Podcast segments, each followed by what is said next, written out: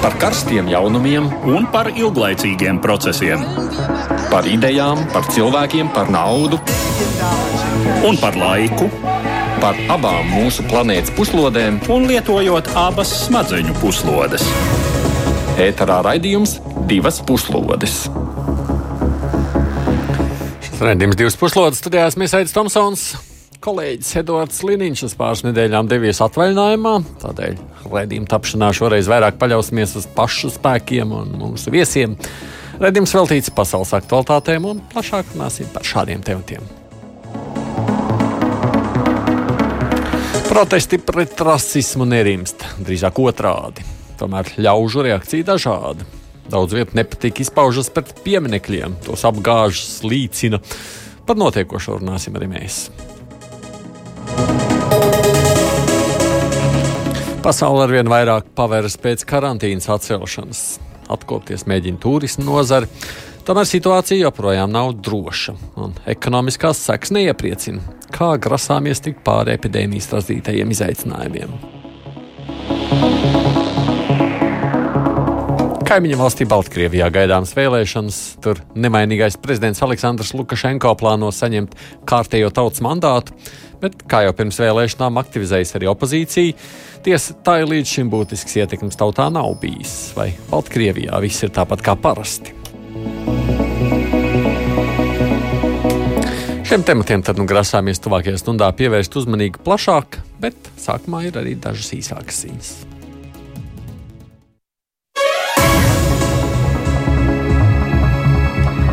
Sešas Eiropas Savienības dalībvalstis - Beļģija, Dānija, Francija, Polija, Spānija un Vācija ir aicinājušas Eiropas Savienības institūcijas uzņemties lielāku lomu, lai labāk sagatavotos nākamajai iespējamai pandēmijai. Jābūt kopīgai Eiropas pieejai, lai tiktu galā ar šādiem izaicinājumiem. Tā ir uzsvērts vēstulē, kas adresēta Eiropas komisijas prezidentei Urzulē Fonderleidenai. Valstu vadītāji norādījuši, ka sākoties koronavīrus pandēmijai, daudzās Eiropas valstīs bija problēmas ar medicīnas preču piegādēm. Šajā ziņā būtu noderīgi kopīgi iepirkumi, sadarbība medicīnas preču krājuma veidošanā, kā arī piegādes avotu diversifikācija. Netieši kritizējot pašreizējo lielo īpatsvaru, kāds ir piegādēm no Ķīnas. Arī aicināts piešķirt lielākas pilnvaras Eiropas slimību profilaks un kontrolas centram. Kritika, kritika veltīta ne tikai Eiropas kopējai reakcijai pandēmijas laikā, zem lupas ir nonākusi arī atsevišķu valstu rīcība. Parīzes vecākais prokurors otrdien pavēstīja, ka uzsācis ir provizoriski izmeklēšana par to, kā Francijas valsts ir rīkojusies saistībā ar koronavīrusu uzliesmojumu, iespējamo apsūdzību vidū minot netīšu nogalināšanu un dzīvības apdraudēšanu. Sūdzības saistītas ar to, ka darba vietās nav nodrošināta aizsardzība pret vīrusu, nav nodrošināts sejas maskas, lai samazinātu inficēšanās riskus, un nav izvērsta testēšana, lai diagnosticētu vīrusu pārnēsādājus. Izmeklēšanā tiks izvērtēta Francijas veselības aģentūras rīcība, veselības ministrijas un Nacionālās cietuma administrācijas veikums. Līdzīga situācija arī Itālijā, kur rīt nopratinās pat Itālijas premjerministru. Arī tur, līdzīgi kā Francijā, saņemts desmitiem sūdzības, meklējot vainīgos, kāpēc valstī slimība paņēmusi tik daudz dzīvību un vai no traģēdijas varēja izvairīties. Zviedrijas prokuratūra ir izbeigusi kādreizējā premjerministra Ulofa Palmes slepkavības izmeklēšanu, jo galvenais aizdomās turamais mīris. Runa ir par Stīgu Engstremu, kurš nomira jau 2000. gadā. 59 gadus veco premjeru nogalināja 1986. gadā, kad viņš kopā ar sievu gāja pa ļaužu pilnu Stokholmas ielu. Uzbrukumā tika ievainota arī viņa sieva, kas vēlāk kā šāve identificēja vienu sīku noziedznieku un narkomānu, kurš tika notiesāts, taču spriedums vēlāk tika atcelts un slepkavība ieguva neatklāta nozieguma statusu. Tagad galvenais aizdomās turētais Engstrēms tika izveicāts kā liecinieks, taču policija uzskatīja viņu par neusticamu, jo viņš vairākas reizes mainīja savu stāstu. Mediji izteikti pinējums, ka Engstrēms ir mainījis stāstu, lai slēptu, ka viņš ir bijis šāvējs. Tomēr tieši pierādījumi par viņu kā slepkavā arī nav. Palmas slepkavība savulaik izraisīja šoku Zviedrijas sabiedrībā, kur līdz tam tika uzskatīts, ka politiķi sabiedrībā var atrasties brīvi, neraizējoties par savu drošību. Maršals mēram Rafalam Časkovskim izdevies savākt vairāk nekā pusotru miljonu pilsoņu parakstu, lai varētu oficiāli reģistrēt savu kandidatūru 28. jūnijā paredzētajās prezidenta vēlēšanās. Lai viņš varētu oficiāli reģistrēt to, viņam bija tikai nedēļa laika, lai savāktu 100 tūkstošu pilsoņu parakstu. Tas ir nepieciešamais minimālais skaits, bet viņam tas izdevies ar 16 kārtīgu uzviju. Jo vairāk akmeņu tiek likti mūsu ceļā, jo spēcīgāk mēs kļūsim, tā paziņoja Časkovskis. Vēlēšanās galvenie konkurenti par prezidenta amatu būs pašreizējais prezidents Andrzejs Duda, kurš pretendē uz vēl vienu pilnvaru termiņu, un Časkovskis, kas ir polijas opozīcijā esošās liberāla konservatīvās partijas pilsoniskā platforma kandidāts. 48 gadus vecais Časkovskis par kandidātu kļuva tikai maijā, kad aizstāja Malgožatu Kidavu Bloņsku, kura atsauca savu kandidatūru. Viņa aptaujās neglābjami atpalika no Dudas. Vēl pie Latvijas vēstniecības Viļņā otrdien notika pikets, kur dalībnieki aicinājuši Latviju solidarizēties ar Lietuvu, nepērkot elektroenerģiju no Astravietas atomelektrostacijas, kas uzcelta Baltkrievijā netālu no Lietuvas robežas. Piketā piedalījās vairāki Lietuvas seima deputāti. Dokumentā, ko parakstījuši deputāti gan no opozīcijas, gan valdošās koalīcijas frakcijām, Latvijas valdība aicina, aicināt solidarizēties ar Lietuvu, neļaujot Baltijas valsts tirgu ienākt elektroenerģijai, kas tiks saržota Astravietas atomelektrostacijā. Lietuva šo spēkstaciju uzskata par nedrošu un cenšas pārliecināt Latviju un Igauniju boikotēt tajā ražoto elektroenerģiju. Abas pārējās Baltijas valsts atbalsta Lietuvas centienus, taču pašas, īpaši Latvija, nevēlas uzņemties saistības nepirkt Baltkrievijā ražoto elektroenerģiju. Bet nu, tagad par sākumā minētajiem tematiem plašāk un vispirms par plašiem protestiem. Vakar notika Džordža Floyda bēres.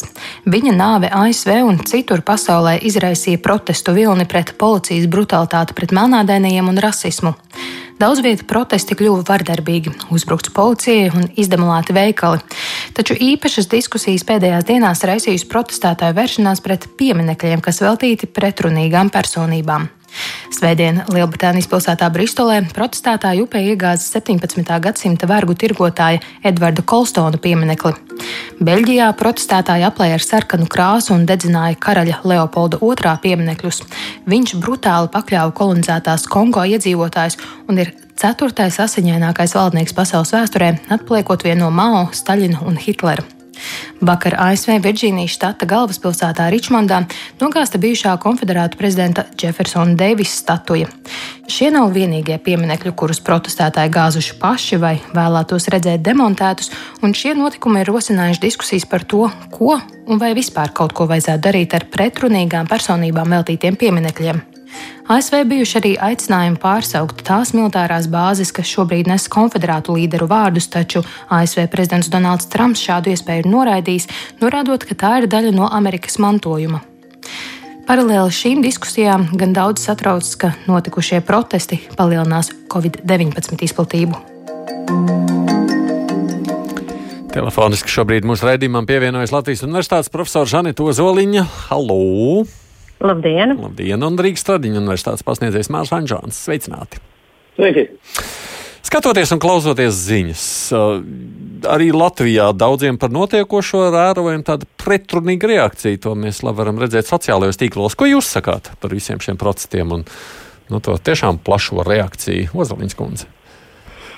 Patiešām vērojot notiekošo mēdījos, um, rodas uh, satraucošs iespējas uh, gan tādēļ, ka šie nemieri ir ieguvuši ļoti masveidīgu raksturu ASV, un viņam, protams, ir atblāzums arī Eiropā.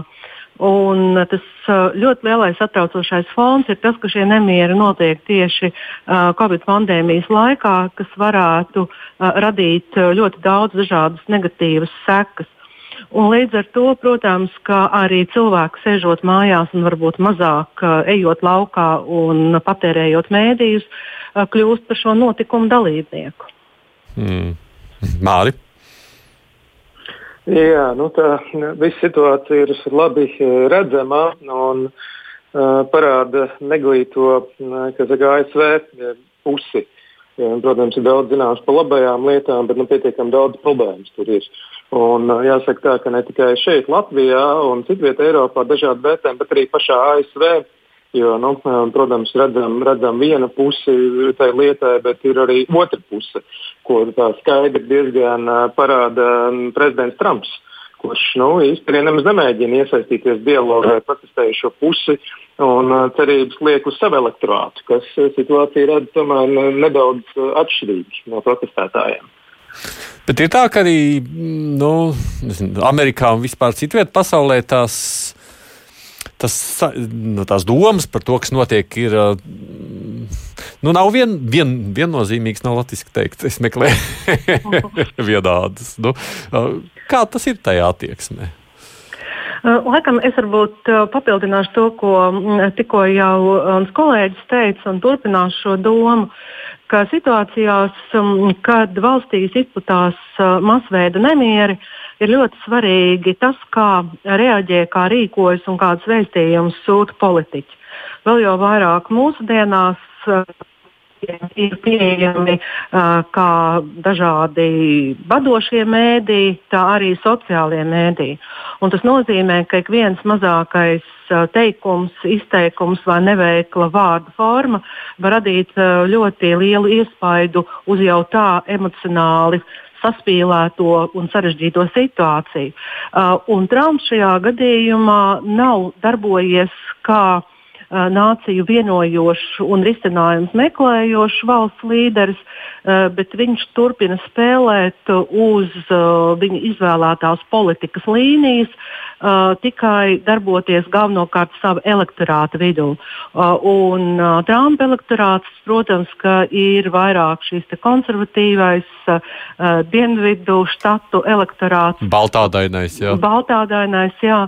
Un līdz ar to tā politika, ko viņš sāka jau no tā brīža, brīža kad kļuva par prezidentu, uh, nevis vienot, bet uh, izcelt kādu sociālo grupu sabiedrībā, tas tagad atspēlējas. Jo faktiski mēs šobrīd runājam galvenokārt par um, šiem nemieriem, kas ir saistīti ar. Um, Džordža Floyda slepkavību, bet uh, atcerēsimies, ka nākošajā dienā uh, pēc uh, inaugurācijas uh, bija lielākā masveida uh, demonstrācija Amerikas Savienotajās valstīs, kad vienu dienu ielās izgāja sievietes protestējot mm, pret mm. ļoti daudziem Trumpa uh, diskriminējošiem izteicieniem attiecībā uz sieviešu stāvokli sabiedrībā. Uh, tā kā šī šķelšanās ir sākusies jau labu laiku atpakaļ, un tagad viņa vainagojās nu, tādā ļoti satraucošā priekš pašas Amerikas uh, uh, notikumā. Jo, kā jau teicu, uh, es nedomāju, ka tas tā vienkārši norims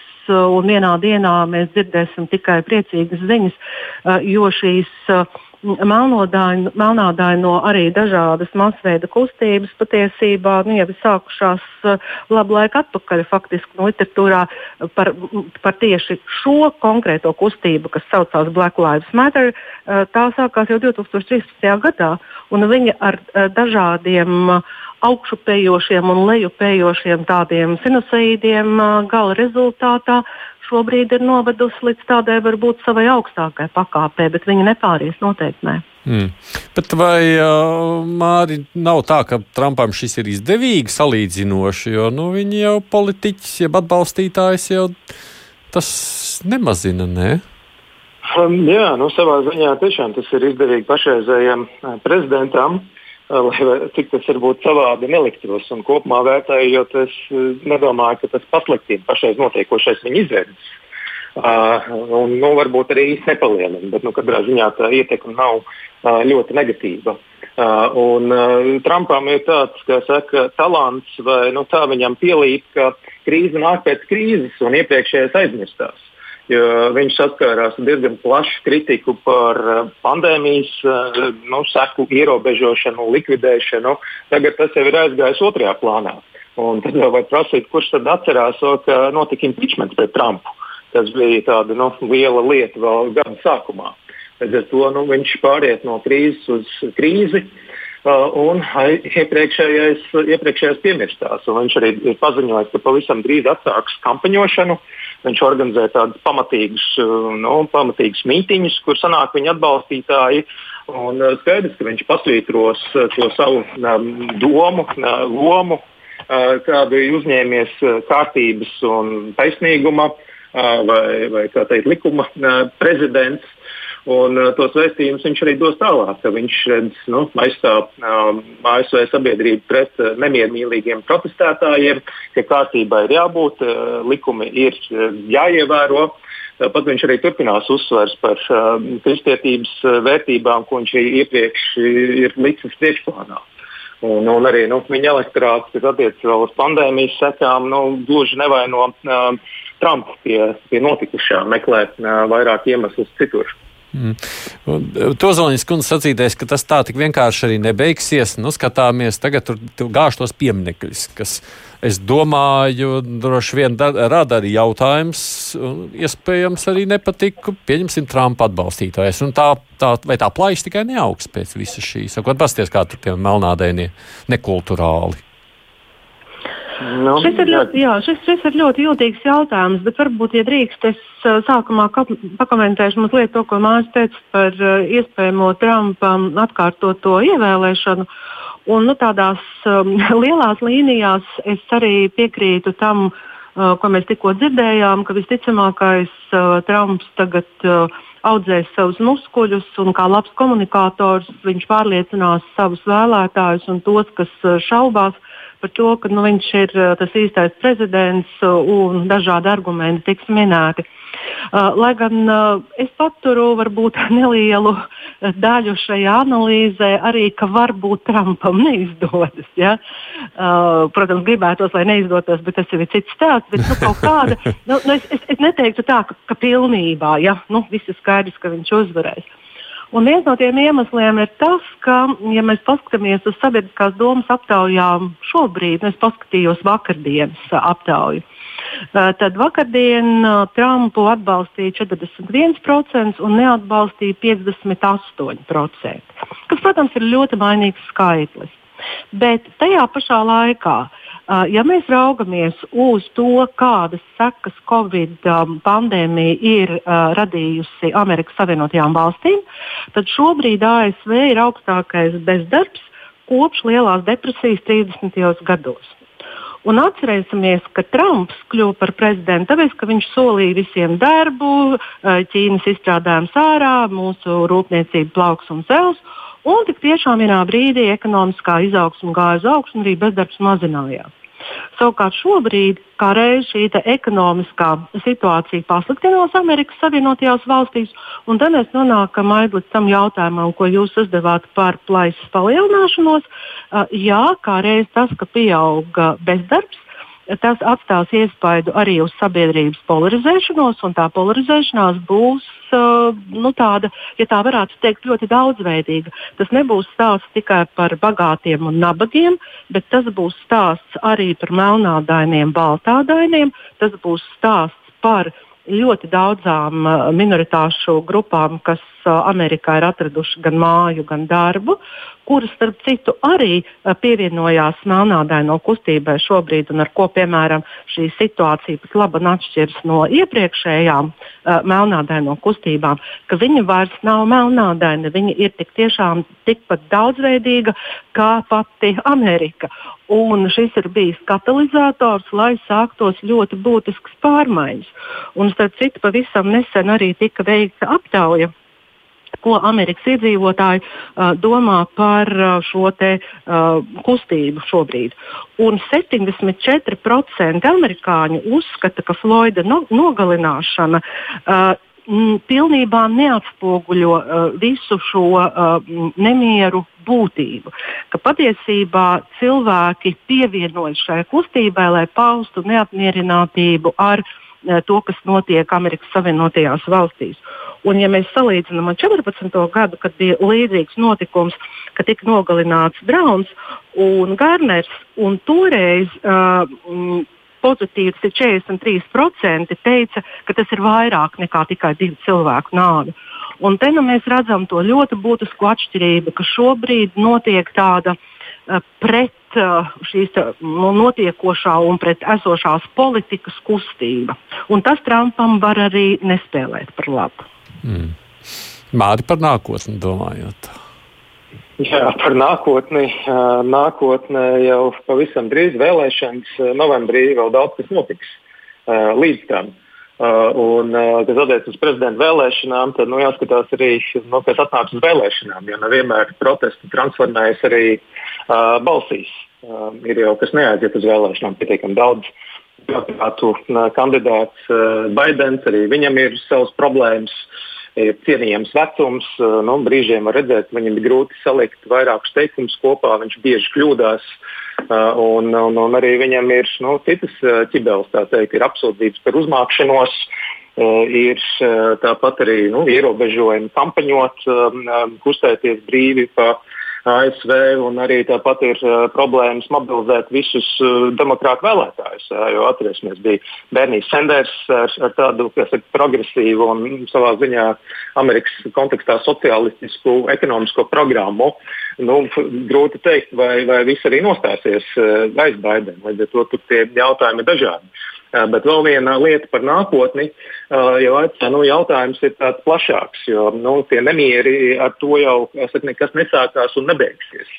Jo šeit daudz tiek runāts gan par verdzības sekām, kas joprojām nav pārvarētas, gan par uh, pilsonisko Uh, tiesību cīņu pagājušā gadsimta 50. un 60. gados, kad tika likvidētas formālās barjeras segregācijai, kad bija gan atsevišķi melnādainiem vietas autobusos, gan arī nu, izglītības sistēma bija segregēta.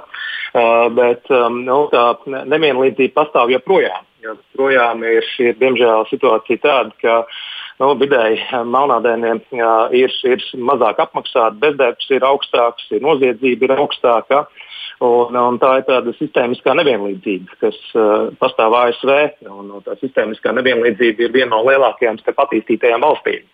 Un, uh, ir šī, protams, ASV iespēja zeme, bet tāpat laikā no uh, zemākiem slāņiem ir grūti izrauties, jo augstākā izglītība ir ļoti dārga, veselības aprūpe, ja nav laba apdrošināšana, ir dārga. Uh, Un, eh, nu, neksim, tās izmaksas var pat būt tādas, eh, nu, par ko eh, Latvijā pat nojausmas nav. Un, un skaidrs ir, ka arī šie jautājumi ir jārisina par to sistēmisko nevienlīdzību. Tāpat laikā nu, ASV ir cita tā uh, filozofiskā pieeja. Uh, katrs pats par sevi uh, salīdzinoši zemi nodokļi, uh, un uh, tad, tad nu, uh, katram ir iespēja cīnīties par sevi. Bet nu, acīm redzam, ir grupas, uh, kas tam uh, netiek uh, līdzi līdz galam. Un tas jautājums nu, noteikti paņems vēl nu, ne, ne dažus gadus, bet nu, desmit gadus. Un tur nu nekāda nelīdzēs pieminekļu gāšana vai nu, noteikti vietu pārsaukšana. Tur ir vajadzīgs daudz lielākas pārmaiņas un pārdomāt, kā mainīt uh, situāciju, lai nu, nebūtu tā, ka kāda grupa ir uh, pārāk uh, sliktā stāvoklī, no kuras nevar izrauties. Vai, man te būtu daudz ko pajautāt, bet laikam tas laiks mazliet žmiedz. Tā kā droši vien, ka mums jāturpina nākošajā tematā iet iekšā, bet uh, jūs sakāt, ka mums nāksies par šo vēl runāt. To es no jūsu teiktā pilnīgi noteikti paņemu. Nu, labi, pievēršamies nākamajam tematam par to, kā pasaule cenšas atvērties pēc pandēmijas. Jaunā koronavīrusa pandēmija izraisījusi tādu krīzi, kāda nav bijusi kopš otrā pasaules kara beigām. Tā ziņo ekonomisti, aprēķinot karantīnas nestos zaudējumus. Visgrūtāk klājies jomām, kas saistīts ar turismu. Kādā veidā ceļojumu organizētāji, viesnīcas, aviācijas nozara un restorāna īpašnieki tiks galā ar zaudējumiem, tas vēl nav skaidrs. Ir atšķirīgas prognozes, vai un cik daudz būs bankroti. Labā ziņa ir tā, ka karantīna ir izglābusi miljoniem dzīvību. Pēc pētnieku aplēsēm karantīnas pasākumi tikai 11 Eiropas Savienības valstīs vien izglābuši vairāk nekā 3 miljonus cilvēku dzīvību. Tikmēr ļaudis sāk izbaudīt atgūto brīvību. Pilsētas parkos atgriežas sauļoties gribētāji, bet pludmalēs peldēt gribētāji. Tiesa lielākoties tie ir vietējie iedzīvotāji, jo starpvalstu robežas veras vaļā lēnām. Cilvēki vēl ir piesardzīgi, dodoties ārpus valsts, turklāt līdz šim plānot ceļojums ir bijis ļoti riskanti. Ar atsevišķiem izņēmumiem gandrīz visas Eiropas valsts ir atvērušas vai plāno tuvākajās dienās atvērt robežas savstarpējai ceļošanai. Pilnībā Schengenas zonai jāatveras jūnija vidū. Tomēr izkļūt ārpus Eiropas pagaidām ir ļoti sarežģīti. Eiropas komisija ir rosinājusi atvērt ārējās robežas no 1. jūlija, bet viss ir atkarīgs no epidemioloģiskās situācijas. Veselības uzraugi ar lielām bažām raugās uz pašreizējo optimismu, kāds valda gan Eiropā, gan citvietā pasaulē. Nerimst bažas par otro epidēmijas vilni, un ir dažādas spekulācijas, cik ātri tas varētu atgriezties un kādas tam varētu būt sekas.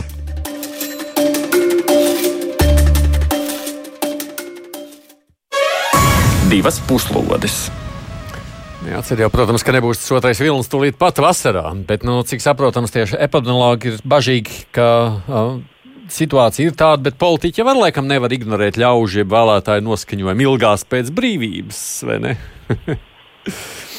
bet, nu, seši valsts ir aicinājuši gatavoties nākamajam epidēmijas vilnim. Eiropas Savienībai tur uzņemoties lielāku tādu lomu koordinētā reakcijā. Jūsuprāt, vai un kā tas varētu notikt, Ozoliņas kundze?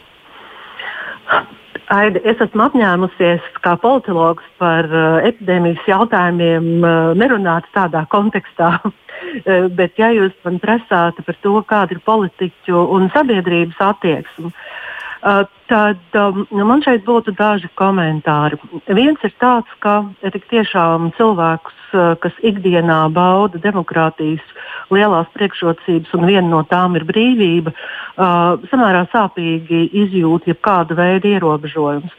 Un tos var pieņemt uh, kaut kādu noteiktu laiku, uh, bet ja tas ieilgtu, tad te varētu rasties gan uh, politiska, gan individuāli psiholoģiska spriedze, un tas savukārt radītu papildus uh, slogu uh, politiķiem. Uh, Bet ir arī otra lieta, ko man gribējās pieminēt, ir tā, ka jā, tik tiešām daudz runā par otro vilni.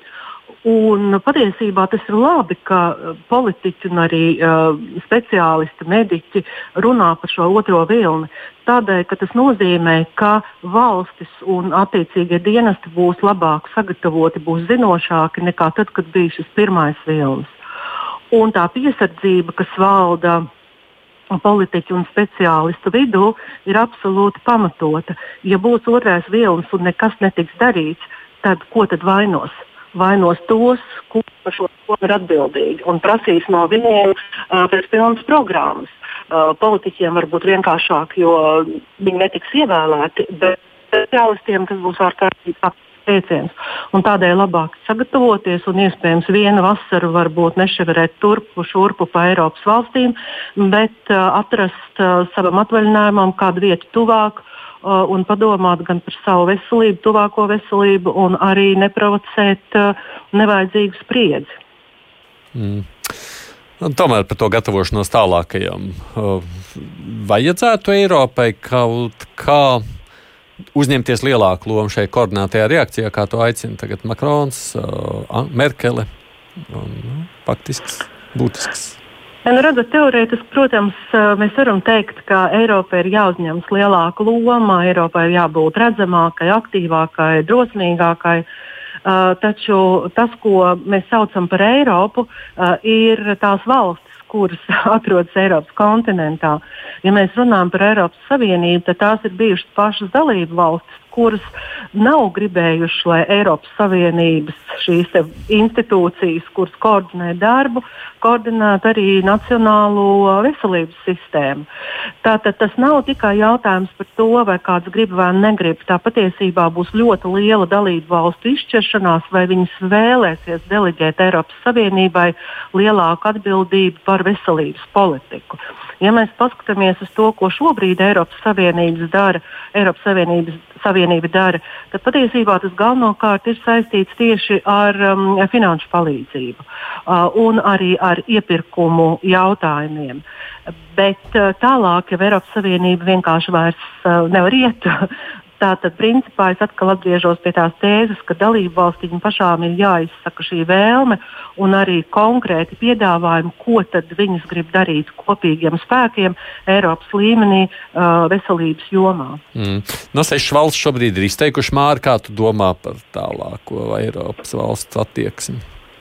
Mm, jā, nu, es domāju, ka tālāk ir jādomā vispār plašāk un jāatcerās, ka nu, drošība un, un, un krīzes nav saistītas tikai ar militārajām lietām. Un, un pandēmija bija labs atgādinājums, ka tas tā ir. Un, domāju, ka pilnīgi noteikti būtu Eiropas Savienībai kopumā, ne tikai valstī, jāgatavojas, no nu, arī turpmāk jāraugās plaši uz dažādiem krīžu jautājumiem. Mēs nezinām, kas būs tālāk. Labi, pandēmija beigsies pirmo vai otro vilni, bet ir jau vēl virkne izaicinājumu. Gan ir migrācijas krīzes bijušas, gan finanšu ekonomiskās krīzes gan arī neaizmirsīsim Ukraiņas krīzi, kas joprojām turpinās. Un vēl gadus desmit atpakaļ bija Īslandes vulkāns, kas, starp citu, nu, uz kādu brīdiņu arī noveda pie pamatīgiem gaisa satiksmes ierobežojumiem. Ja? Tad to tas, kas noteikti būtu jāpaturprātā gan Latvijas atbildīgām amatpersonām, gan Eiropas Savienībai, ka nu, drošība ir diezgan plaša lieta un drošība maksā naudu. Mēs nezinām, no kurienes nāks nākamās krīzes Mm. Ja runājam savukārt par tām finanšu lietām, jeb Eiropas palīdzību to seku pārvarēšanā, nu mums Reins, piemēram, raksta, lūk, Vācija līdz gada beigām samazinās PVN uz 16%, Lufthansa, kas pirks biļets ārpus Vācijas, sola 100% garantijas un nodrošināt nogādu atpakaļ dzimtenē. Nu, katra meklēs valsts, kā nu var vairāk un tam līdzīgi. Mēs tā kā viens uz otru skatāmies, hmm, ka tikai viņiem nav labāk nekā mums. Arī jau šeit ir tāda iekšēja nu, konkurence, vai ne tā, Ozoliņas kundze? Nu, diez vai mēs tādā veidā skatāmies viens uz otru, jo uh, stiep to deķīti, uz kuru pusi gribi un mēri to maku ar centimetriem vai metriem, nu, Vācijai vienmēr būs vairāk un vienmēr būs labāk. Ja? Nu, vismaz tuvākajā paredzamā nākotnē. un katrai valstī un tās naudas ir tik, cik ir. Uh, bet viena lieta, ka, ja mēs skatāmies uz tiem finanšu resursiem, ko Eiropas Savienība piedāvās dalību valstīm Covid um, krīzes seku likvidēšanai, tad Eiropas Savienības uh, politika ir uh, ļoti paredzama, uh, jo tie finanšu līdzekļi tiek piedāvāti uh, tādā veidā, lai viņi tiktu samēroti ar to, ko valsts pati grib darīt. Un līdz ar to šeit mēs nonākam pie tās sāpīgās atziņas, kur mēs atkārtojam jau kopš tā brīža, kad mēs esam Eiropas Savienībā, ka dalībvalstī pašai ir ļoti skaidri jāzina, ko viņi ar to naudu darīs un kā viņi Eiropas naudu saliks kopā ar nacionālo naudu. Un te nu, ir tas lielais izaicinājums, jo vismaz pagaidām publiskajā telpā es neesmu dzirdējis tādas plašas diskusijas par to, kā Latvija izmanto šos līdzekļus. Un tad, nu, jā, šie līdzekļi var kalpot tam, lai Latvijas veselības sistēma kļūtu pieejamāka un, un, un cilvēkiem draudzīgāka, vai var turpināties bīdīšanās. Un, un tad, kad es sekoju diskusijām par veselības sistēmu Latvijā, man šķiet, tur ir viss izmantots. Un, nu, tad, jā, kur, kur, kur, kur, kur, kur tā nauda aizies, kā viņa tiks izmantota un vai viņa tiešām palīdzēs sagatavoties iespējamai nākamajai krīzei. Mm. Tā ir rakstīsim, bet es arī piekrītu tam, ko Mārcis teica, ka uz visu to, kas šobrīd notiek Eiropas Savienībā, ir jāskatās noteikti plašāk. Jo es atceros arī vienu sarunu ar kolēģi kurš teica, ka Francijas piedāvātā strateģiskā autonomija ir stāsts tikai un vienīgi par aizsardzību. Mēs mēģinājām toreiz teikt, ka nu, tās ir blēņas, tā nemaz nav. Tagad mēs redzam, ka patiesībā visas augstākās Eiropas Savienības amatpersonas par šo strateģisko autonomiju nerunā tikai un vienīgi kā par aizsardzības jomu, bet tās pašas maskas, tie paši uh, dezinfekcijas līdzekļi, tā arī ir strateģiska autonomija. Tā ir Eiro, spēja Eiropas Savienībai pastāvēt uh, un, un, un būt ilgspējīgai priekš saviem iedzīvotājiem situācijā, kad apkārt krīze un ka ir vajadzīgi kādi tik tiešām izšķiroši un būtiski lēmumi un arī risinājumi. Mārka, kā jūs domājat, ja mēs tā skatīsimies pēc pieciem gadiem un domāsim, hmm, esam izgājuši no šīs situācijas gudrāki, sekmīgāki ārā vai nē? Es domāju, ka noteikti secinājumi tiks izdarīti. Un, nu, gribu domāt arī, ka attiecīgas valstu krīžu vadības sistēmas būs palikušas ilgspējīgākas un gudrākas. Nu, tā, tā ir jau iespējams uzskaitīt dažna, dažādas krīzes. Viena aiziet un iepriekšējā piemirstāt, bet nu, tomēr tā nevajadzētu būt. Jo, nu, arī Latvijas gadījumā un, un citos gadījumā ir krīžu vadības sistēmas, civilās aizsardzības sistēmas, ir notiek mācības regulāri. Un, nu, tā, tā pieredze diemžēl rāda, ka diezgan ātri aizmirstās tās lietas, kas ir bijušas iepriekš darba kārtībā un beig beigās nonākam pie līdzīgām problēmām. Ar to nu, šī krīze būs bijusi tik pamatīga un visaptveroša, ka es domāju, noteikti tas atstās daudz paliekošākas sekas sabiedrību un arī valstu vadītāju izpratnē. Mm. Latvijas Universitātes profesors Žaneta Ozoliņa, jums es saku paldies par sarunu. Tad pieslēgšanos mūsu sarunai Mārcis Hanžāns paliks vēl pie klausulas, jo mums ir vēl viens temats šodien apspriežams par Baltkrieviju runāsim.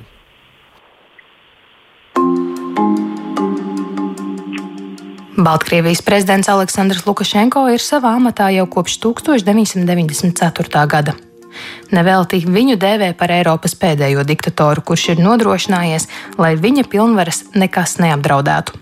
Viņš plāno turpināt vadīt valsti arī nākamajos gados un uzskata sevi par vienīgo reālo prezidenta amata kandidātu 9. augustā gaidāmajās vēlēšanās. Taču parasti prezidenta vēlēšanas pavada neliela politiska turbulence, jo kandidēšanai tiek izvirzīti arī atsevišķi opozīcijas kandidāti. Viņiem gan līdz šim īpaši izredzu uzvarēt nav bijis, tomēr šādā veidā opozīcija cenšas demonstrēt, ka ne visi ir apmierināti ar valstī notiekošo. Šajās vēlēšanās situācija sarežģījusies pandēmijas dēļ. Lai gan Lukašenko atklāti demonstrējis skepsi, paužot pārliecību, ka vīrus tāda gripa vien ir un ekonomika ir svarīgāka par karantīnas pasākumiem, ne visi Baltkrievi tam piekrīt. Valstī daudz ir neapmierināti ar prezidenta attieksmi, turklāt prezidenta nostāja Baltkrievus nav pasargājusi no ekonomiskiem izaicinājumiem. Arī Baltkrievijā jūt pandēmijas ierobežojumu izraisīto krīzi. Tas viss Lukašenko ir radījis grūtības. Starptautiskie televīzijas kanāli ir demonstrējuši kadrus, kur Minskas ielās redzamas garas ļaužu rindas, kas steidz sniegt savu atbalstu opozīcijas kandidātiem, parakstoties par viņu izvirzīšanu vēlēšanās. Bijušas arī protesta akcijas ar arestiem. Pats Lukašenko apsūdzējis opozīciju vēlmē destabilizēt situāciju, piebilstot, ka tas var novest pat pie slaktiņa laukumā. Tomēr reti kurš prognozē kādus pārsteigumus gaidāmajās vēlēšanās. Jautājums vien ir par to, cik mierīgi būs šajā vasarā un vai opozīcijai izdosies organizēt kādas plašākas protesta akcijas nekā līdz šim. Atgādījumi pie tālruņa klausulas raidījumā piedalās Rīgas Traģiņu universitātes pasniedzējs Mārs Ančāns, un vēl mūsu sarunai šobrīd pievienojas universitātes doktoranti, kas ir Austrum Eiropas politikas pētījuma centra pētniece Beāta Livdanska. Labdien! Labdien! Kā jūs domājat, cik lielā mērā ir vērts pievērsties tam, kas notiek Baltkrievijā, vai tur vispār jebkas var mainīties? Um, šobrīd tas, kas notiek Baltkrievijā, ir uh, ļoti interesanti ne tikai no paša procesa viedokļa, kur redzam, ka ļoti aktīvi notiek opozīcijas viedokļa slāpēšana, bet arī no tā, ka iespējams pirmoreiz vēsturē mēs kopš Lukašenko ir nācis pie varas, redzam to, ka prezidentam diezgan ievērojami ir krities, um, ir krities atbalsts sabiedrībā. Um, pēc uh, dažādām neoficiālām aptaujām, kas veiktas um, dažādās interneta platformās, redzam, ka Lukašenko šobrīd iegūst tikai 3% sabiedrības atbalsta. 3? Uh, lai gan tikai 3. Tikai trīs. Hmm. Uh, kamēr uh, tuvākais kandidāts ir Viktors Babariko, kurš iegūst no 40 līdz pat 55% balsu no iedzīvotājiem. Līdz ar to tas, kas šobrīd notiek Baltkrievijā, ir ne tikai ļoti interesanti, bet tas norāda arī uz diezgan aktīvu un nopietnu politiskās darbības ainu, ko redzam arī šo te opozīcijas, opozīcijas darbībā kā arī to, ka ļoti daudzi no šobrīd vērojamajiem potenciālajiem kandidātiem uh, kas ir pieteikuši savu dalību, līdz šim nav bijuši aktīvi uh, iesaistījušies politiskajā darbībā valstī, kas arī norāda uz to, ka sabiedrība augst pārmaiņas, ko, protams, ir pastiprinājusi arī šī Covid-19 pandēmija. Mm. Mārita pieļauj, ka ir gaidāmas pārmaiņas Baltkrievijā. Es neizslēgtu, bet es teiktu, ka diezgan maz ticams ir pārmaiņas. Skaidrs, ka pēdējā laikā Lukašenko ir nu, spēris soļus tādas nu, zināmas liberalizācijas virzienā ierobežot, protams. Nu, viņš ir, ir turpinājis karšķēties ar Krieviju. Kas ir no, pusi no um, Baltkrievijas tirdzniecības bilances sastāvdaļa. Līdz ar to nu, Krievijas loma joprojām ir pietiekami spēcīga. Uh, nevajag mums aizmirst uh, Maika Pompeo, ASV valsts sekretāra, jeb ārlietu ministra uh, vizīti salīdzinoši neseno, kas, kas parāda, ka nu, Baltkrievija kopumā nu, žonglē ar, ar starptautiskiem partneriem.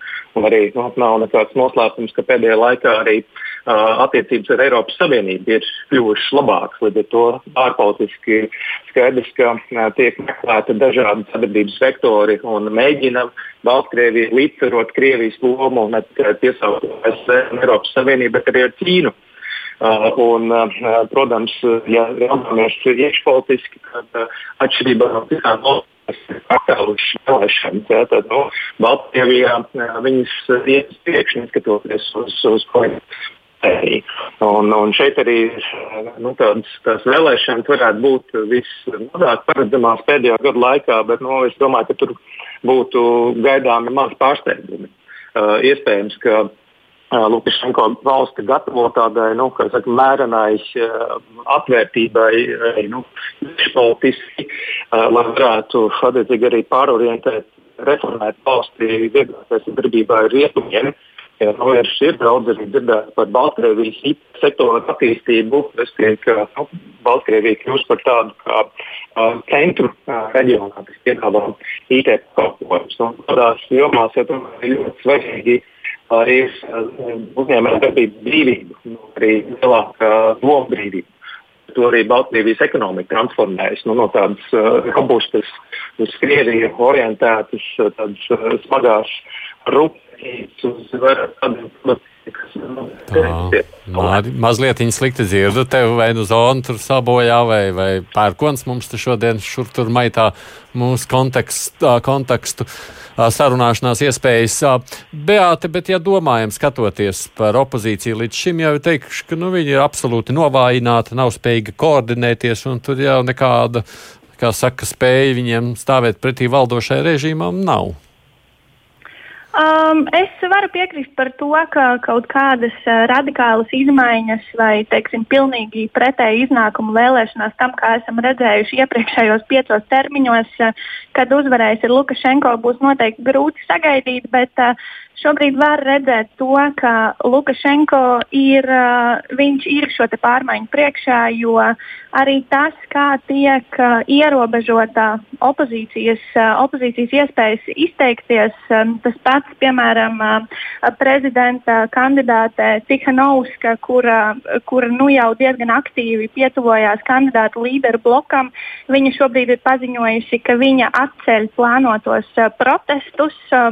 Tāpat viņa ir nobežījusies par to, ka nezina, kādas ir viņas iespējas pēc, te, pēc, šī, pēc jaunajiem notikumiem, kas saistās ar viņas vīru, kuru viņa vasaras īpašumā atklāja 900 tūkstošu ASV dolāru.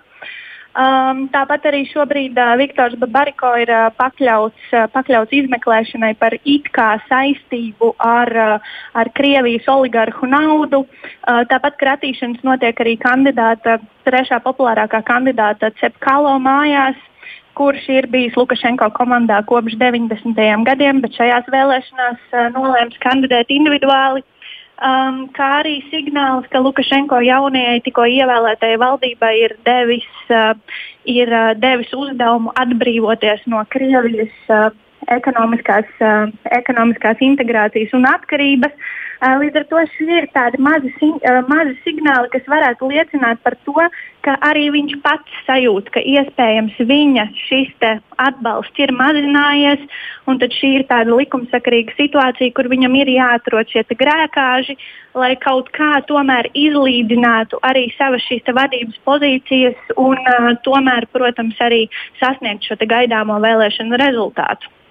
Un, ja runājam par tādām protesta akcijām, tās būs, nebūs plašākas, šaurākas. Ja mēs skatāmies par protesta akcijām, tad uh, protesta akcijas, kuras šobrīd tiek, uh, kuras šobrīd uh, tiek īstenotas Baltkrievijā, kas ir, protams, uh, saistībā ar šo parakstu vākšanu. Baltkrievijas likumdošana paredz to, ka parakstu vākšanas laikā šos mīti, uh, mītiņus var uh, rīkot legāli. Um, tad laika posmā no pat uh, no 6. maija līdz 10. jūnijam jau šobrīd ir apcietināti aptuveni 90 cilvēki, uh, kuriem kopējais aresta šis apmērs ir lēsts ap vairāk kā tūkstotis diennaktīm.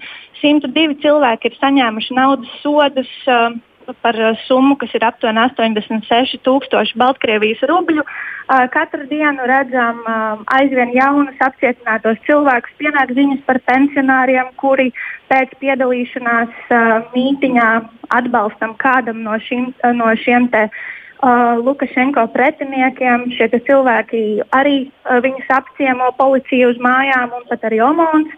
Um, tā kā šobrīd tas viss notiek, un es domāju, ir jautājums par to, ja sabiedrībā ir sasniegts šis kritiskais punkts, tad uh, kas notiks pēc vēlēšanām. Un, protams, ļoti svarīgs ir arī šis te, uh, 19.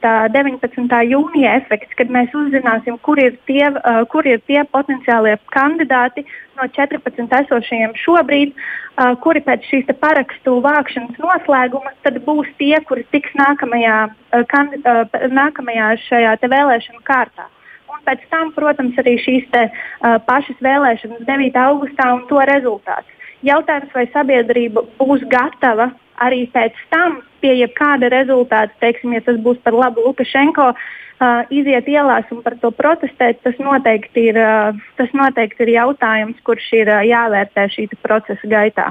Mm, Mārķis, kā domā, kā izskatās tā nākotne? Mm, jā, nu es, es teiktu, ka jābūt diezgan nu, piesardzīgiem attiecībā nu, uz iespējamām reformām Baltkrievijā. Jo, nu, ir, ir, es, teiktu, nu, protams, riskanti teikt, bet es domāju, arī Lukašenko varētu uh, uzvarēt vēlēšanās arī bez uh, lielas iejaukšanās uh, situācijā. Jo nu, ir opozīcija diezgan sašķelta savā starpā, tāpat arī nav līdz ar to skaidrs alternatīvas, kādas varētu būt tas vienojošais elements, kas varētu iziet pret pašreizējo prezidentu. Un, attiecīgi, arī jāraugās uz, uz situāciju tādā nu, plašākā kontekstā. Un, un tur es neredzu pašlaik tādu lielu nu, tā kritisko masu uh, Bet, protams, situācija var mainīties. Bet nu, vienlaikus arī jāatcerās, ka Baltkrievijas drošības dienesti ir pietiekami spējīgi un spēcīgi uh, apspiest arī jebkādas situācijas, ja tās rodās, un pēc attiecīgi pēc prezidenta iejaukšanās. Nu, aresti Baltkrievijā nav nekas jauns un neparasts. Tāds vienmēr ir bijis. No vēlēšanām tur pēc tam, pirms pēc kādi no tiem kandidātiem tiek likt cietumā, un tā ir diezgan ierasta prakse. Līdz šim jau, ja mēs sakām, ka pēdējā laikā Lukšenko centās meklēt kaut kādu tuvināšanos rietumiem, nu, ko nozīmē, ja, ja, ja, ja Lukašenko roka paliks stiprāka, kā tad ļaudis ar to sadzīvos un kā to sadzīvos rietumi. Ja būs jauna aresta, jauna apcietinājuma un, un, un nu, tā tā vara tiks panākta ar lielāku represiju palīdzību. Nu, iespējams, arī netiks, eh, ka tās nu, jā, atskatās represijas, kādas ir bijušas. Iespējams, ka viņas nebūs uh, tik izteiktas. Uh, nu, tur tur redzēs, uh, tuvākie mēneši rādīs. Bet vienlaikus es domāju, ka noteikti tās reformas gan ārpolitikā, gan iekšpolitikā tomēr viņas vedīs tādā nu, zināmas liberalizācijas virzienā. Un uh, visticamāk arī nu, tiks meklēti kādi ceļi, kā vairāk iesaistīt leģitīvu, nu, patiesu opozīciju nevis nu, tādu, kas, kas, kas saka, spēlē opozīcijas lomu, bet arī dot kādu lielāku balsi opozīcijai. Mums ticamāk, ka tādi meklējumi būs. Un es domāju, ka nevarēs to situāciju nu, gluži vienādot ar to, kā bija iepriekšējās vēlēšanās, kad bija nu, daudz lielāks jā, kā, brīvība ierobežojumi. Kā jūs domājat, Beata, izdosies Lukašenko uz atvērt mazliet vairāk, vismaz nu, tādu priekšstatu rietumos radīt, ka te nu viņš ir uzvarējis atkal tādā godīgā cīņā un saglabāt šo te, nu, mieru mm, iekšējo arī.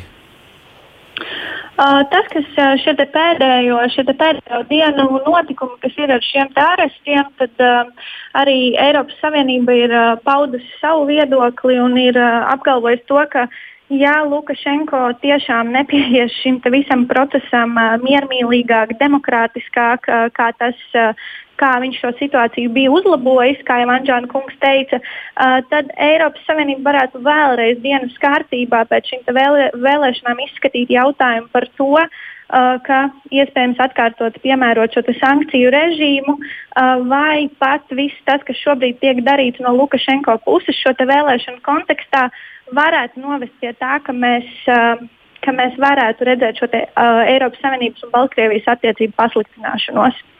Um, taču līdz ar to šis ir, šis ir jautājums, uh, šis ir jautājums Lukašenko un kā viņš attīstīs šo situāciju tālāk. Mm. Pabeidzot šo sadaļu, Krievija nejauksies nekādā veidā iekšā visā šajā procesā, jūsuprāt? Um, es domāju, ka par, uh, ka par Krievijas uh, iesaisti šo vēlēšanu procesā uh, tas ir tāds jautājums, kuru ir uh, grūti paredzēt. Uh, lai gan šajā kontekstā vispār ir ko grūti paredzēt. Uh, Krievija, protams, pēc pēdējiem Lukašenko izteikumiem nav devusi savu atbildi.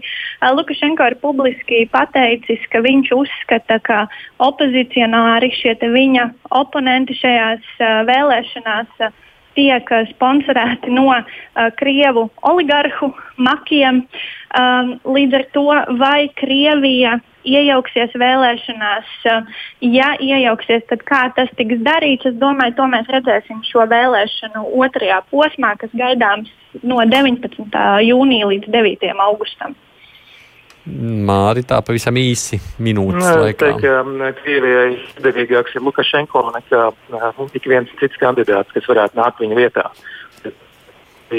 Nogaidīs un skatīsies, vismazāk ir vajadzīgs Krievijai pro-rietumniecisks prezidents Baltkrievijā. Līdz ar to teikt, ka vieglāk būtu lietas viņiem sarunāt ar uh, pašu Lukašenko. Mm -hmm. Un es pieņemu, ka drīzāk ka Krievija noskatīsies uz situāciju, kāda viņa ir, un nav nekādas būtiskas iejaukšanās šobrīd negatavos. Vai arī nāks palīgā Lukašenko, ja situācija paliks sliktāka? Nu, to arī nevar izslēgt, jo nu, skaidrs, ka nav uh, Krievija ieinteresēta uh, Uh, prezidentā, kas raugās vairāk uz rietumiem, kā tas ir bijis Ukrajinā. Uh, Krievija vēlas Baltkrieviju noturēt uh, pēc iespējas vairāk savā ietekmes zonā. Mm -hmm. Nu, paldies! Es jums saku abiem. Mārs Anģāns ir Rīgas Traģiņu universitātes pasniedzējs, Austrumēropas politikas pētījuma centra pētniece Beata Livdānska. Paldies jums par sarunu. Mēs jau, protams, redzēsim, kādi rezultāti būs gan gaidot, kā jau teicāt, jūnija otrā pusi, gan redzot, kurš kandidēs, gan gaidot 9. augustu, kad būs vēlēšanas. Baltkrievijā noteikti tad arī pievērsīsimies šim tematam divās puslodēs. Studijā bija Iesaidis Tamsons, mūsu producents Ieva Zēzes. Paldies, ka bijāt. Tikamies atkal pēc nedēļas šajā pašā laikā laikā, kad lūkosim, kā notikumi šajās dienās tālāk risinājušies.